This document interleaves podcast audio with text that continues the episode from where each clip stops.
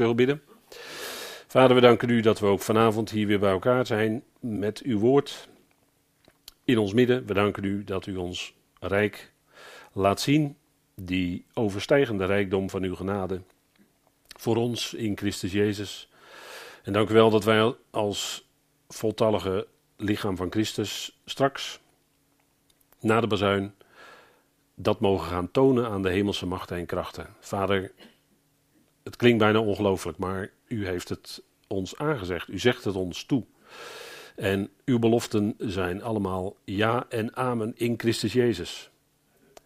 U zal al wat u beloofd heeft vervullen. We danken u, Vader, daarvoor. We danken u dat we daarom in blijdschap en vreugde bij elkaar kunnen zijn, ook vanavond weer. En dat woord met elkaar mogen delen. Die geestelijke rijkdom die u ons schenkt. En weer onze gedachten te richten op wat boven is, waar Christus is. Vader, we danken u dat we in ons leven, waarin van alles is, u dat woord spreekt van vertroosting, van genade, van bemoediging. U geeft ons kracht. U leidt ons door uw geest. Vader, we danken u dat we zonen van u mogen zijn. Door Christus Jezus, onze Heer. Dank u wel voor zijn werk. En dat we op grond daarvan in genade en uitgenade kunnen leven. Vader, dank u wel dat u ook vanavond die woorden wil geven die nodig zijn om te spreken. Schenk ons een luisterend hart, dat we het mogen verstaan wat u te zeggen hebt en geef daarin wijsheid, zodat we dat ook kunnen uitleven. We danken u, Heer, voor uw goedheid en trouw, elke keer weer in die machtige naam van uw geliefde Zoon, onze Heer Christus Jezus. Amen. Goed, ik wilde het stukje lezen waarin we bezig zijn. En dat is Efeze 2. En ik lees u voor uit de papieren versie van de concordante tekst. En als u die wilt hebben, dan heb ik hem hier voor u. Maar dan moet u, ja, moet u hem even ophalen toch. Dus de tekst is beschikbaar voor u. Efeze 2, en dat is vanaf vers 4. Dat is even het verband. En dan lezen we door tot en met vers 10. En er staat: God echter die rijk is aan barmhartigheid vanwege zijn onmetelijke liefde waarmee hij ons lief heeft, wij die dood zijn voor de krenkingen en de begeerten, maakt ons gezamenlijk levend in Christus. In genade zijn jullie geredden en wekt ons gezamenlijk op en zet ons gezamenlijk te midden van de hemelingen in Christus Jezus, opdat Hij in de komende eonen tentoon zal spreiden de overstijgende rijkdom van Zijn genade in zijn mildheid voor ons in Christus Jezus. Want in genade zijn jullie geredden door geloof, en dat niet uit jullie zelf. Het is Gods naderingsgave. Niet uit werken, opdat niemand zich beroemen zal.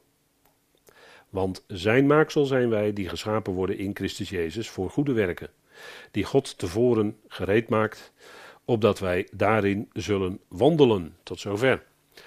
En u ziet, God zet ons in op de titel hier op de eerste plaatje. God zet ons in.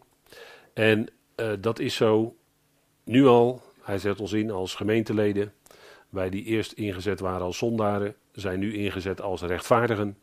Zoals eh, Romeinen 5 dat zegt. Maar God zet ons in, nu al als gemeente, om dat woord bekend te maken. Om de veelvuldige wijsheid van God bekend te maken aan de vorsten, de hemelse machten. En God zet ons ook in nadrukkelijk in de toekomst, dat hebben we gelezen met elkaar, in de komende eonen, in de komende tijdperken. God zet ons in en dat is genade. Genade die, ja, Paulus spreekt hierover, overstijgende rijkdom van zijn genade. En anders kun je het eigenlijk niet zeggen. Het is niet alleen genade, maar het is veel meer nog overstijgende rijkdom. Het is bijna niet in woorden uit te drukken. Paulus zoekt naar woorden, zou je bijna kunnen zeggen, om dat uit te drukken wat hij van de Heer mocht ontvangen. En God gaf hem het dat hij dat op deze wijze kon doen. God zet ons in. Dat doet hij nu al, maar straks in volheid. Wij wandelen dan in die goede werken die hij tevoren gereed maakt. En daar wandelen wij in. Dat is uh, bijzonder. Bijzonder. Vorige keer zijn we geëindigd met deze dia. En daar hebben we even die drieslag gezien opstaan, de verschillende woorden die gebruikt worden door Paulus, en die de schrift gebruikt, kan ik beter zeggen. Opstaan, opwekken en levend maken. En opstaan zou je kunnen zeggen, als je dat wil uitsplitsen, dan is dat voor het lichaam straks. opwekken is nu al, wat we nu al hebben. We zijn opgewekt hè, we, met Christus, in Christus. Dat is onze ziel. Dat heeft effect in ons zielenleven, om het zo maar te zeggen. In ons denken, voelen, eh, noem alles maar op. Wat met de ziel te maken heeft. En levend maken, dat is in de geest. We zijn in de geest levend gemaakt. We hebben het leven van Christus ontvangen. En dat is iets geestelijks. En dat heeft effect ook in ons leven, werkt door in de ziel. En in de toekomst zal dat bij de opstanding ook daadwerkelijk blijken.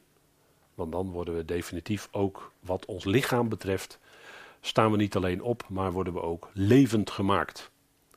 Nou, dat hebben we de vorige keer mee geëindigd. En ja, goed, dit zijn natuurlijk geweldige dingen.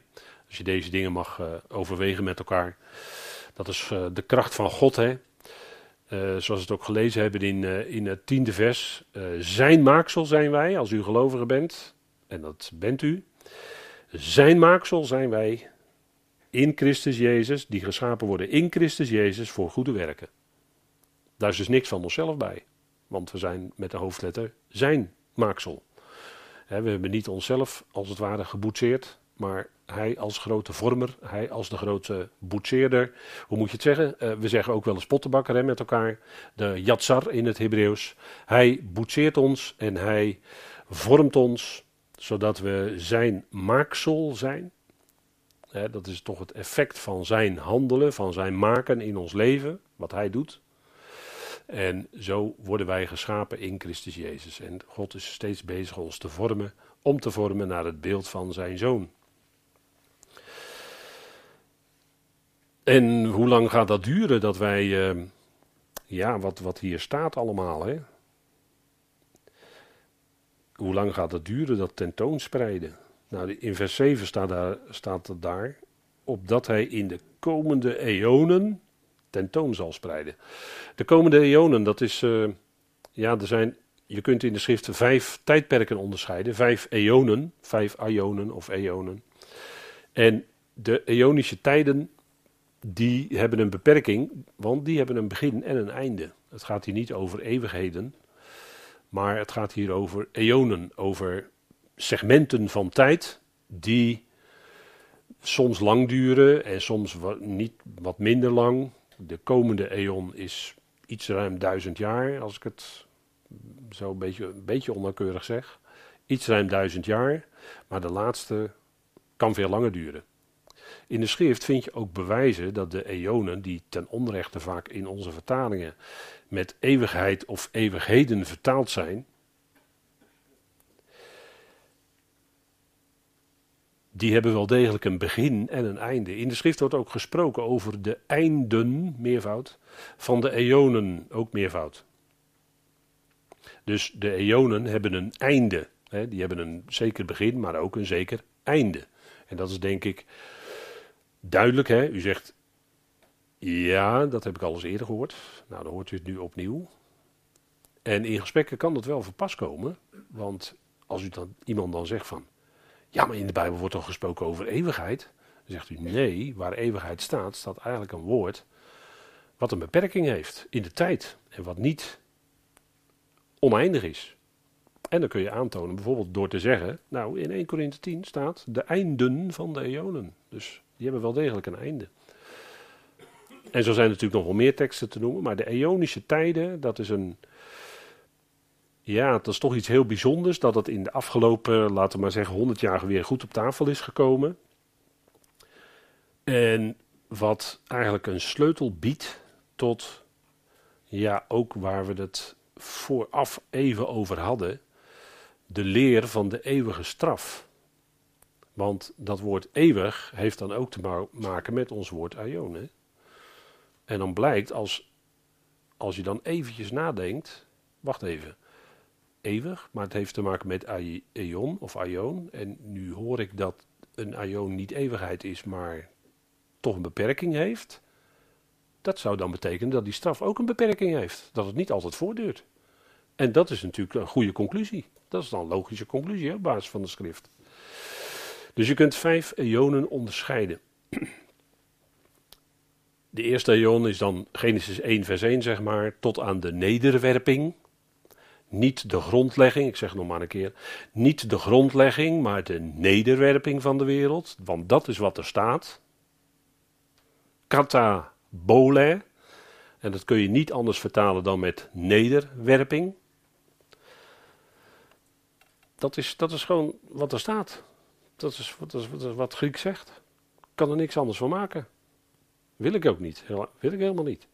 Tot aan de nederwerping. En het resultaat van de nederwerping lezen wij in Genesis 1, vers 2. De aarde nu werd woest en leeg en duisternis enzovoort. En toen sprak God er zij licht. En toen begon hij zijn herstelwerk. De herstelwerk van de zes, zeven dagen. Die we lezen in Genesis 1. Dat is de, wat, in de, wat men dan noemt de restitutieleer.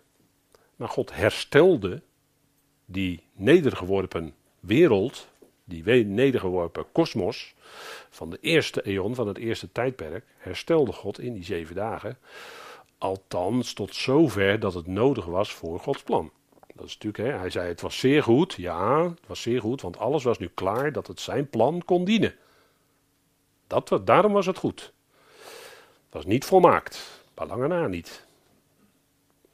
Dus, en toen begon, ja, tot aan de zonvloed, de volgende, en dan tot aan, uh, tot aan de dag van de toren, de derde eon, met centraal daarin het kruis, hè. De kruisiging van onze Heer Jezus Christus. Het grote kerngebeuren van heel Gods plan, daar draait het allemaal om.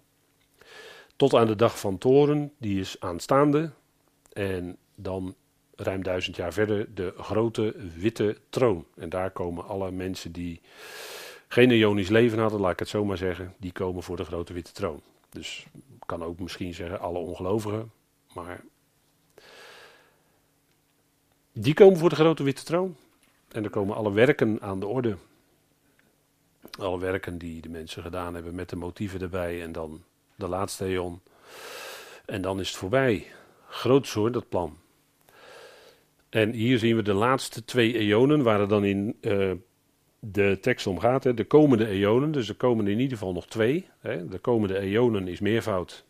Dus er komen in ieder geval nog na deze eon nog twee.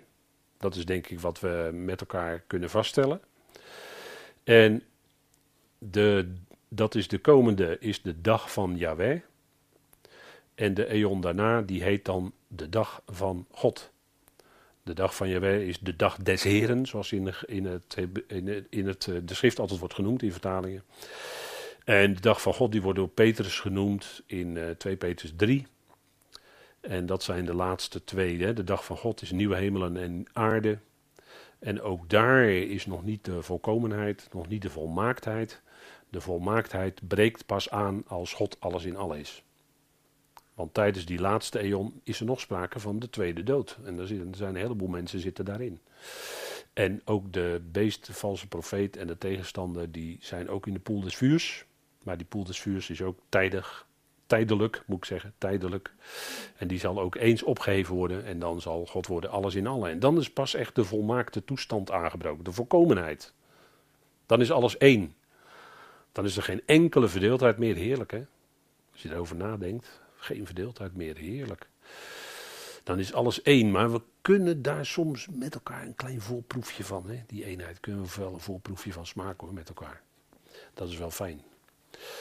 En dan is alles helemaal één. Ook hemel en aarde is dan helemaal één, want het is allemaal één in Hem, in God.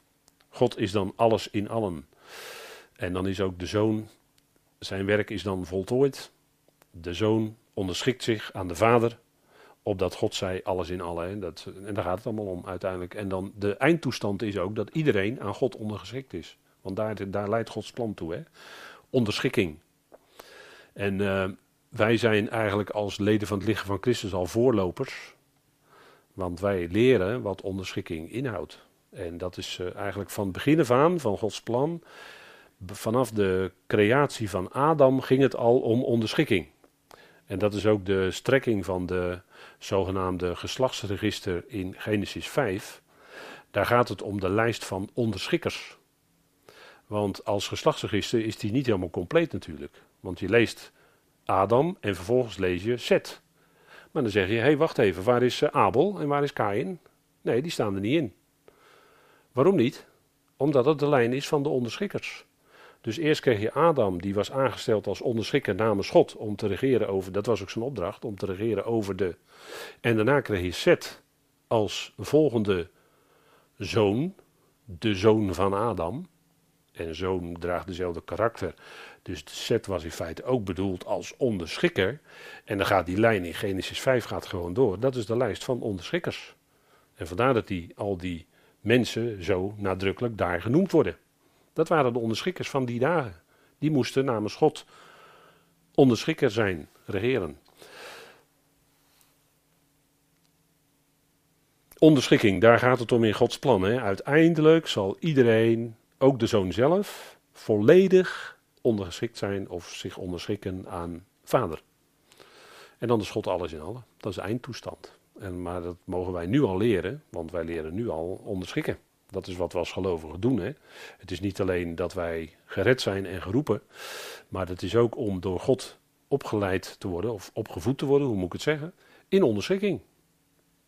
En onderschikken is uh, in feite de in onderschikking zijn en je onderschikken is in feite de normale positie van een gelovige. Dat je je onderschikt aan God en aan zijn woord. En wat je daarin leest als onderschikken, dat je dat ook doet. Gods woord is heel praktisch. Goed, wat te doen? Nou, Paulus die zegt, uh, wat gaan we dan doen in de komende eonen? Hè? Tentoonspreiden staat hier, hè? Tentoon zal spreiden.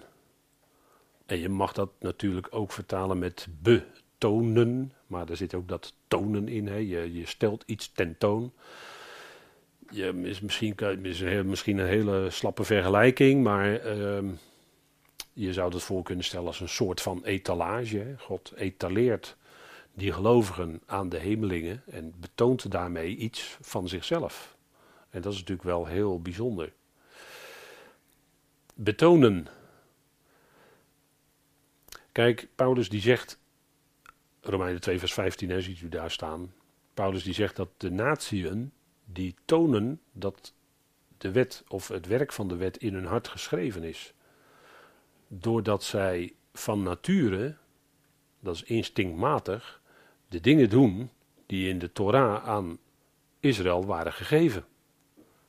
Dat is het punt, hè? Dus daarmee tonen zij, daarmee spreiden zij tentoon dat het werk van de Torah in hun hart geschreven is en dat ze dus ook zo leven zonder dat zij die Torah hadden gekregen. Want dat was alleen aan Israël gegeven. Nou, dat is een manier van tonen, hè? iets tentoonspreiden. Wat nog meer, als we kijken in het leven van Paulus, 1 Timotheüs 1 vers 16, dan zien we dat God, of dat Christus Jezus, al zijn geduld in Paulus betoonde. Laten we even met elkaar lezen. 1 Timotheüs 1 vers 16. Lees u uit de, op dit moment even uit de herziene statenvertaling. Maar daarom is mij barmhartigheid bewezen, opdat Jezus Christus in mij, de voornaamste, dat is de voornaamste van de zondaren, al zijn geduld zou tonen, tot een voorbeeld van hen die later in hem zouden geloven, tot in het eonische leven. Dus dat, hier zien we ook opnieuw dat woord tonen. Dus wat toont de Heer door het leven van Paulus? Zijn geduld. Want de Heer heeft een partij geduld gehad met uh, Saulus. Dat is nogal flink, om het zo maar te zeggen. En hij toont zijn geduld. En natuurlijk zegt u ja, niet alleen zijn geduld. Nee, ook zijn genade natuurlijk. Was de apostel Paulus tijdens zijn hele loopbaan nadat hij geroepen werd. één betoning van Gods genade, van Gods rijkdom van genade. Dat hij zo iemand als Saulus riep. De, hij zegt zelf, van zichzelf zegt Paulus dat hij de voornaamste was van alle zondaren, de ergste. Nou, die worden door God gered. Dat is genade. Dat is wat hij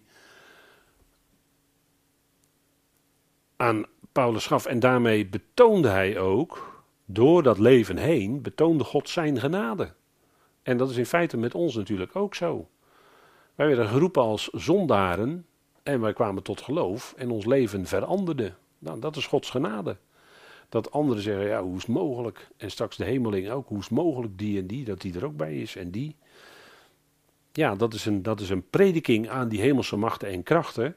Wat Gods genade vermag in, in levens van mensen. die unieke scheppingen van God. Die uh, na dat herstelwerk, of in dat herstelwerk op de aarde werden gezet. Dat was natuurlijk ook al sowieso voor de hemelingen heel wonderlijk.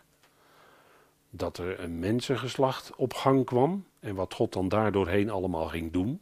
Dat hebben die hemelingen natuurlijk allemaal waargenomen.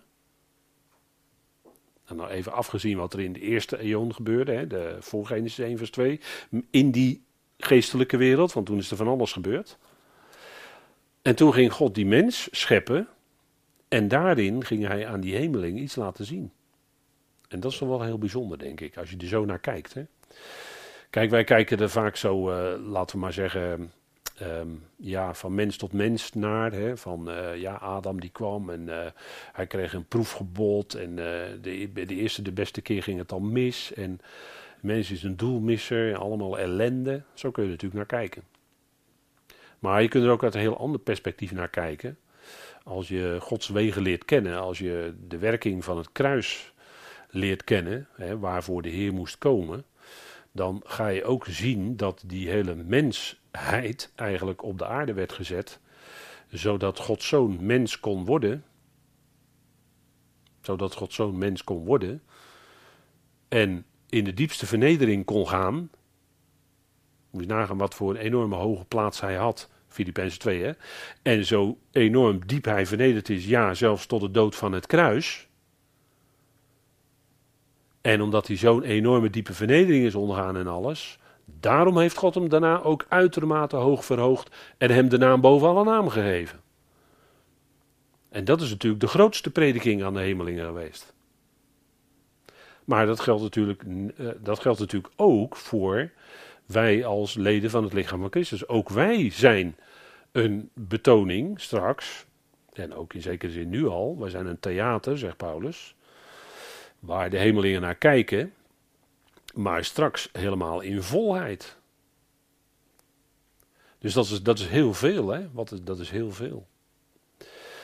En ja, dat, dat tentoonspreiden, hè, dat is natuurlijk ook voor ons als gelovigen, hè, wat uh, in je leven, vrucht van de geest zou je kunnen zeggen, hè, even terugbrengen naar ons dagelijks leven, vrucht van de geest. Wat, wat spreiden wij nou tentoon in ons leven?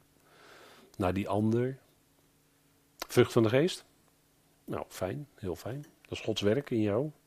Dat je met die ander geduld kan hebben, dat je die ander lief kan hebben, dat je vreugde kan hebben toch in moeilijke omstandigheden. Dat je vrede kan hebben, ondanks alles wat in de wereld gebeurt en wat in je eigen leven gebeurt. En toch diepe vrede in het hart, vrucht van de geest. En dat, dat, dat, dat toont zich ook naar andere mensen toe. Hè? We zeggen dan met een veel moderner jargon, zeggen we dan, dat straal je uit. Hè? Wat straal je nou eigenlijk uit naar de ander toe? Dat soort dingen. Maar goed, dat is, vind ik, uh, ja. Het gaat erom die vrucht van de geest. Als die nou zichtbaar wordt, dan, dan spreiden wij iets tentoon van God. En daar gaat het om. Dat is dan tot eer van God in ons leven. En dat is wat God in ons, ja, en door ons heen uitwerkt. Dat is natuurlijk geweldig. Wie? Wie? Nou, dat zijn u en ik, hè. Het hele lichaam van Christus. Wordt wereldwijd uitgeroepen. Al die gelovigen. En als je geroepene bent en je gelooft in Hem, dan gaat het niet om je mate van kennis. Maar het gaat erom dat je gelooft en God geeft je geloof. Ook nog eens een keer. Dat is ook nog eens een genadegeschenk. dat heb je ook niet van jezelf. En wat zijn wij? Wat, wat zegt de schrift dat wij zijn? Nou, wij zijn zonen van God. wij zullen geopenbaard worden daar wacht de schepping op. Hè? De schepping zucht en leidt weeën en, en is moeilijk. En het, daar, daar, wij zuchten mee in ons leven. Dat zeggen Romeinen 8 ook allemaal. Hè? Wij zuchten mee in ons leven. En we zijn op weg. En, en aan, die, aan die schepping en uh, zeker aan de geestelijke wereld zal getoond worden wie dan die zonen van God zijn. Van het lichaam van Christus. Wij zijn niet de enige zonen van God als lichaam. Zijn er meer hoor. Zijn er meer. Maar goed, hier gaat het specifiek, in de Efezebrief gaat het specifiek om ons als leden van het lichaam van Christus. En dat is wereldwijd. Al die leden die geroepen werden vanaf, laten we zeggen, de tijd van Paulus tot nu toe, tot aan de bazuin. die horen allemaal bij het lichaam van Christus. Het zijn allemaal leden, allemaal medeleden. En dat hangt niet af van hoeveel kennis je hebt, ja of nee. Gelovigen die oprecht geloven, laat ik maar eens eenvoudig zeggen, in de Heer Jezus Christus, dat Hij stierf van opstond, die horen daarbij. En dat is, uh, ja, gelijk een antwoord. Ja ik, ik, denk dan, ja, ik denk dan aan een brochure. Wie gaat mee bij de opname? Daar hebben we een brochure van. Maar dat geeft, dat geeft antwoord. Al die gelovigen die gaan mee straks en die zullen ook tonen, zonder onderscheid tonen, die enorme genade. Wie nog meer? Wie, wat wordt er nog meer gezegd van ons? De opgewekten. Hè? Wij zijn nu al gewekt, opgewekt om in nieuwheid van leven te wandelen. Dat is uh, Romeinen 6. En de andere brieven van Paulus, latere brieven, sluiten daar natuurlijk voluit bij aan. Die opgewekten. En we zijn verheerlijkten. Straks. Zonen van God, onze status. Opgewekten. Wandelen in nieuwheid van leven. Nu. En verheerlijkten zijn we straks. En we zullen dan diezelfde mate van heerlijkheid hebben. Gelijkvormig gemaakt worden aan het heerlijkheidslichaam wat de Heer Jezus Christus of wat Christus Jezus nu heeft. En dat is natuurlijk, ja, dat kun je niet bedenken.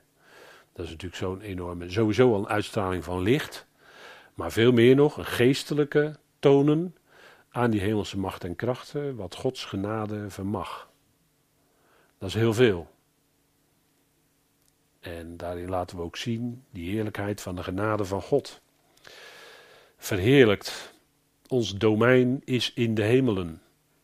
En wij verwachten de Heer Jezus Christus als redder. Daar zongen we ook van hè, aan het begin. Dat hij redder is. En dat is hij ook. Dat doet hij. Niet alleen straks bij de bazijn, maar ook nu, vandaag in ons dagelijks leven, redt hij ons ook praktisch. Dat is natuurlijk heerlijk hè, dat je dat mag beseffen. Verheerlijkt, ons domein is in de hemelen waaruit wij Hem verwachten, die ons vernederd lichaam, we hebben nu nog een vernederd lichaam, veranderen zal, zodat het gelijkvormig gemaakt wordt aan Zijn heerlijkheidslichaam. Ja, wat wil je dan nog meer hè, met zo'n toekomst? Dat is natuurlijk fantastisch. Als je dat bedenkt, die verwachting, die schept iets in je leven, die geeft je een kracht in je leven, waardoor je kunt leven, ook onder moeilijke omstandigheden. Waardoor je toch die vreugde in je hart hebt, ondanks dat het moeilijk is. Dat er tegenslag is, dat er lijden is in je leven. En dat kan op allerlei niveaus zijn. Dat er verdrukkingen zijn, tegenwerking, tegenslag, noem alles maar op. En dan toch vreugde hebben, en dan toch kracht hebben om door te gaan. En toch, ja, toch, ja, ondanks alles, toch doorgaan. Hoe, wat is dan je geheim? Nou, de kracht van God. Dat is je geheim. Dat is wat, wat God in je werkt. En dat is wat we, wat we als gelovigen ook met elkaar kunnen delen. Tentoonspreiden. En dan zegt u ja, maar wat? Nou, ik heb al een beetje antwoord, denk ik, gegeven, maar tentoonspreiden. Ja, maar wat gaan we nou eigenlijk specifiek tentoonspreiden aan die hemelse machten en krachten in de komende eonen? Want ja, we zijn tenslotte, om nog maar even te zeggen, geen koningen en priesters op aarde in de toekomst. Wij niet. Hè? Dat is Israël. Moet wel gewoon laten staan voor Degene voor wie dat bedoeld is, Israël zijn koning en priesters. Wij niet. Wij hebben een status van zonen te midden van de hemelingen straks. En wij zijn daar nu al gezet, hè, hebben we gezien. Nu al. Onze plaats is nu al te midden van de hemelsen. En wat gaan wij dan hè, tentoonspreiden? Ja, maar wat? Nou dit de overstijgende rijkdom van zijn genade. Want dat is wat er staat hè, in vers 7. Wat gaan wij tentoonspreiden? De overstijgende rijkdom van zijn genade. En het is niet alleen rijkdom, maar eh, als ik het woord letterlijk neem, overstijgend, dan is dat nog wat boven die rijkdom uitgeworpen wordt, als het ware. Want dat is het woord wat er staat. Hè, wat nog boven die rijkdom uitgeworpen wordt, dus nog, nog rijker. Zijn genade. De overstijgende rijkdom van zijn genade in Christus Jezus. Dat is uh, heel veel. Heel veel. En wat gaan wij tonen? Wij tonen aan de hemelsen of aan de hemelingen En dat is met de bedoeling opdat zij God gaan erkennen.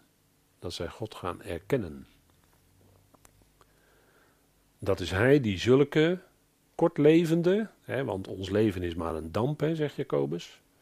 Het leven is zo voorbij. Voor je het weet ben je in prediker 12. Lees prediker 12 maar eens door dan. Kortlevend. Wij zijn als het ware maar een, ja, iets wat even als het ware opgloeit. Dat heb je in de natuur. Hè? Iets wat even opgloeit en gelijk weer weg.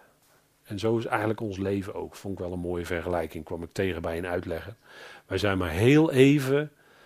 Komen wij naar voren. En dan zijn we er heel eventjes. En we zijn ook weer zo. Het is ook weer zo voorbij. Dus wij zijn kortlevende mensen. En dan ook nog eens in periode in ons leven aan de tegenstander, aan de tegenstander horige schepselen. Dus wij, wij waren onderhorig aan de tegenstander, zonder het te beseffen. Zonder het te beseffen, maar toch. Die slaven waren in zonde en dood. We waren in slavernij.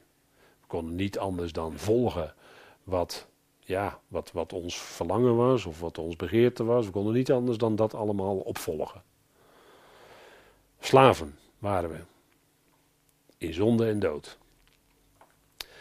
Maar tegelijkertijd, het is die God die diezelfde slaven aan, tegenstander, aan de tegenstander onderhorig redt en rechtvaardigt. En bovendien nog in zijn eigen familie opneemt als zonen. Naast de zoon. En hij gaat ze ook nog eens een keer bekleden met onsterfelijkheid en onverderfelijkheid. Alsjeblieft. En dan staat er, dan staat er toch heel wat, hè? En dat zien die hemelingen allemaal. Vergist u zich niet, hè? Want die hemelse macht en krachten, dat zijn eh, intelligente schepselen, hoor. Die, die zien dat en die nemen dat waar. En die staan met of die, die staan natuurlijk niet, het zijn geesten. Maar die kijken met verwondering toe hoe dat allemaal gaat. Moet je eens beseffen, hè? Mensen die, uh, nou ja, op weg waren naar de, naar de dood en in zonde en er ging allemaal mis en uh, vijanden van God en, en noem maar op. En heel wonderlijk, God spreekt dan die woorden en die mensen worden totaal veranderd. God verandert mensen. En dat zien die hemelingen. En dat God ze dan ook nog eens een keer in zijn eigen familie opneemt, samen met de zoon. We worden gelijkvormig aan het beeld van de zoon. En we noemen hem de eerstgeborene van alle broeders. Dat is hij, hè? Dat is hij met een hoofdletter. Hoe is het mogelijk? Hoe is het mogelijk? Gaan die hemelingen kijken. Hoe is het mogelijk? Al die mensen die wij eerst zagen als zo en nu zo. Hoe is, hoe is dat nou toch mogelijk? Die heerlijkheid. En dat is allemaal natuurlijk uiteindelijk, hè, want het is natuurlijk geweldig als u beseft van nou wij ontvangen heerlijkheid en we ontvangen veel genade. Maar waar het om gaat is dat het allemaal is tot de heerlijkheid van God. Tot heerlijkheid van de Zoon. Gaat niet om onszelf natuurlijk. We zijn dan middelen waardoor we die geweldige liefde en genade van God prediken, tonen, tentoonspreiden aan die hemelse macht en krachten. En bij gelegenheid ook nog eens met ze kunnen communiceren. Dat stel ik me ook zo voor. Dat we onze genadeverhaal aan die hemelingen kunnen vertellen. Of duidelijk maken. Nou, dat is heel veel, hè? Onsterfelijkheid. Dat is waar veel mensen naar, naar, naar, naar verlangen. Mensen die God niet kennen. Die, die verlangen naar onsterfelijkheid. En die zoeken daarnaar. Maar is maar bij één bron is dat beschikbaar. Dat is God zelf. Die is de enige die echt onsterfelijkheid kan geven. En onverderfelijkheid, hè? wat is het geweldig als er geen verderf meer zal zijn. En dat zal een moment zijn. Als God alles in al is, dan is er geen verderf meer. Dan is dat voorbij ook. En dat is natuurlijk een enorm vergezicht op een toekomst. Maar het is geen idee fix. Het staat in Gods woord. En dat is denk ik wat we met elkaar mogen delen. Kijk, het is de overstijgende rijkdom van zijn genade. En wat stalt Paulus hier uit? Wij die tezamen opgewekt zijn, dat gezamenlijk, hè, dat is uit Jood en niet-Jood. Tezamen opgewekt, tezamen levend gemaakt en tezamen gezet te midden van de hemelsen. Die twee groepen samen, gezamenlijk, maar ook met Christus Jezus samen. En, en dan gaat het bij de natie nog om mensen van de allerlaagste, want hadden geen enkele zegening gekregen, zoals Israël die wel had. De natie komen van de laagste positie af en die worden verheven tot de hoogste, tot de hoogsten, te midden van de hemelingen. Hoe is mogelijk? Hoe is het mogelijk? En ja, dan is het toch geweldig als je beseft wat de Heer tegen Paulus zegt. Hè, van ons leven van elke dag en dat gaat allemaal niet zo makkelijk. En ja, dan zit je hier op zo'n avond bijbelstudie en dan klinken er fijne dingen.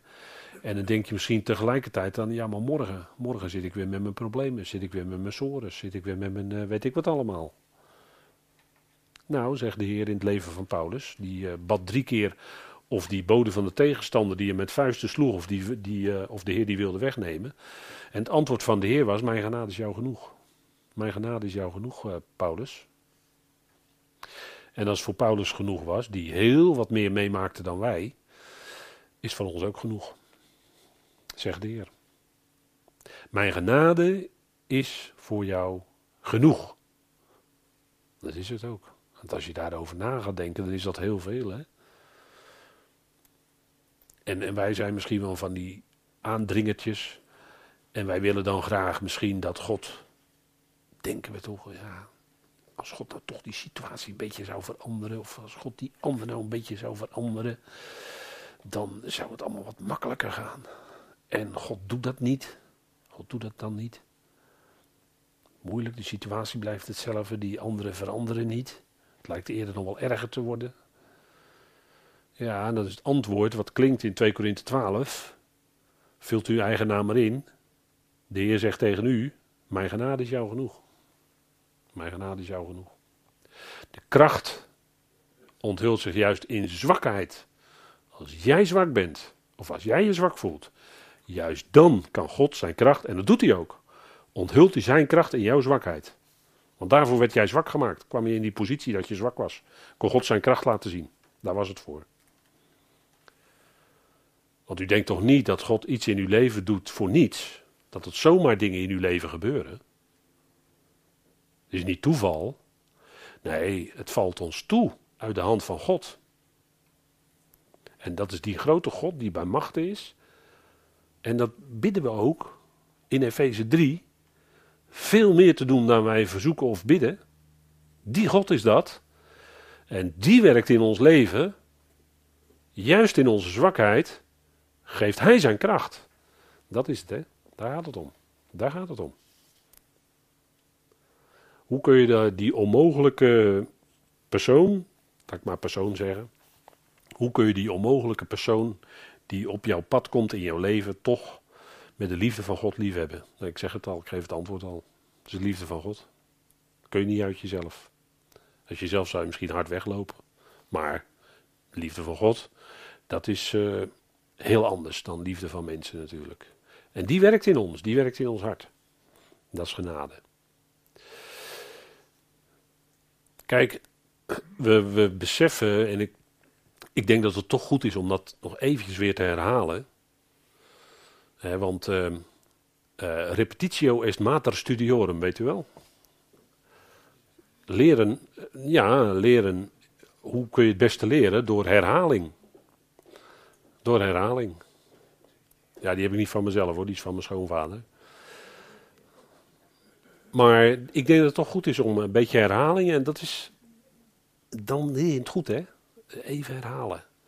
En daarom is het ook goed om dingen te herhalen. Om dingen ook in de schrift weer opnieuw te lezen. Dat is ook herhaling. Maar daardoor ga je het wel beter leren. Ga je het beter, komt het dieper in je hart.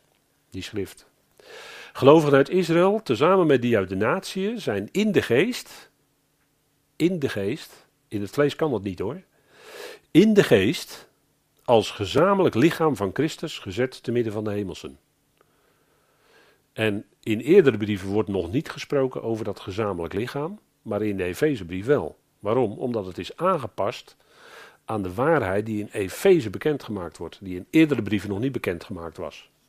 Daar zien we ook het lichaam van Christus, maar dan is het een ander beeld.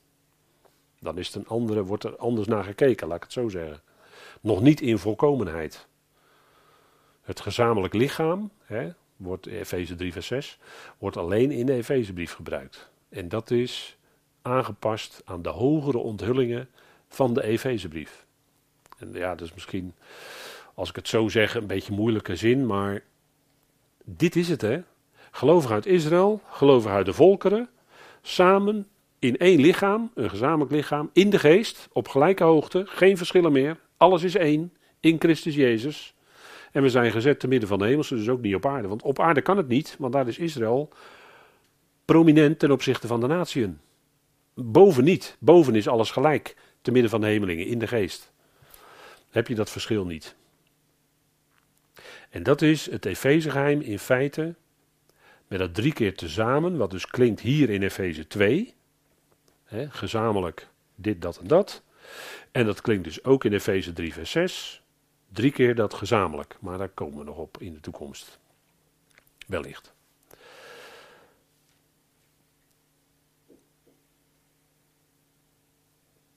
Dus gelovigen uit Israël tezamen met die uit de natieën in de geest, nogmaals, in de geest, als gezamenlijk lichaam van Christus gezet te midden van de hemelsen. Dat is de positie van het lichaam van Christus. Nu, gezamenlijk lichaam zeg ik dan. Dat is nog beter, dat is een beter zoals het uh, precies daar staat. Dat is nu onze situatie, daar bent u lid van. je hoeft nooit, nergens uh, ingeschreven te worden. Als je gelovige bent, ben je lid van het lichaam van Christus. Er komt helemaal geen blaadje papier of wat dan ook aan te pas. dan word je niet ingeschreven, in een register of uh, wat dan ook. Maar je bent gewoon lid van het lichaam van Christus. Dat is toch heerlijk? En dat is in mildheid. In mildheid. En kijk, dat is, uh, kijk, in mildheid, dan zegt u ja, dat woordje, ja. Het gaat toch op de overstijgende rijkdom van zijn genade. Zeker, daar ligt natuurlijk echt het accent op in deze tekst. Maar er wordt ook gezegd in mildheid. En we vertalen dan heel, heel dun gedrukt in zijn mildheid. Dat is het natuurlijk ook. Gelet op de context. In zijn mildheid. Maar waarom staat het er nou? Waarom staat dat er nou? Kijk, die oude mens die is van zichzelf niet mild. hoe die oude mensheid eruit ziet, dat leest u in Romeinen 3. En dan zegt u, nou, dat is niet prettig om te lezen, maar dat is wel zoals de oude mensheid zich gedraagt. Daar is niks goeds aan. Sorry, nee, dat is echt zo. Aan de oude mensheid is niks goed. En het wordt pas anders als God daarin gaat werken met zijn geest, want dan ontstaat vrucht. En u ziet hier olijftakken met olijven eraan hangen, dat is de vrucht van de olijfboom. De vrucht van de geest. Dat, is een, en dat waait uit in negen verschillende aspecten. Hè, dat is één vrucht. En dat waait uiteen in negen woorden. Geweldige kwaliteiten van de geest die door ons heen zichtbaar worden.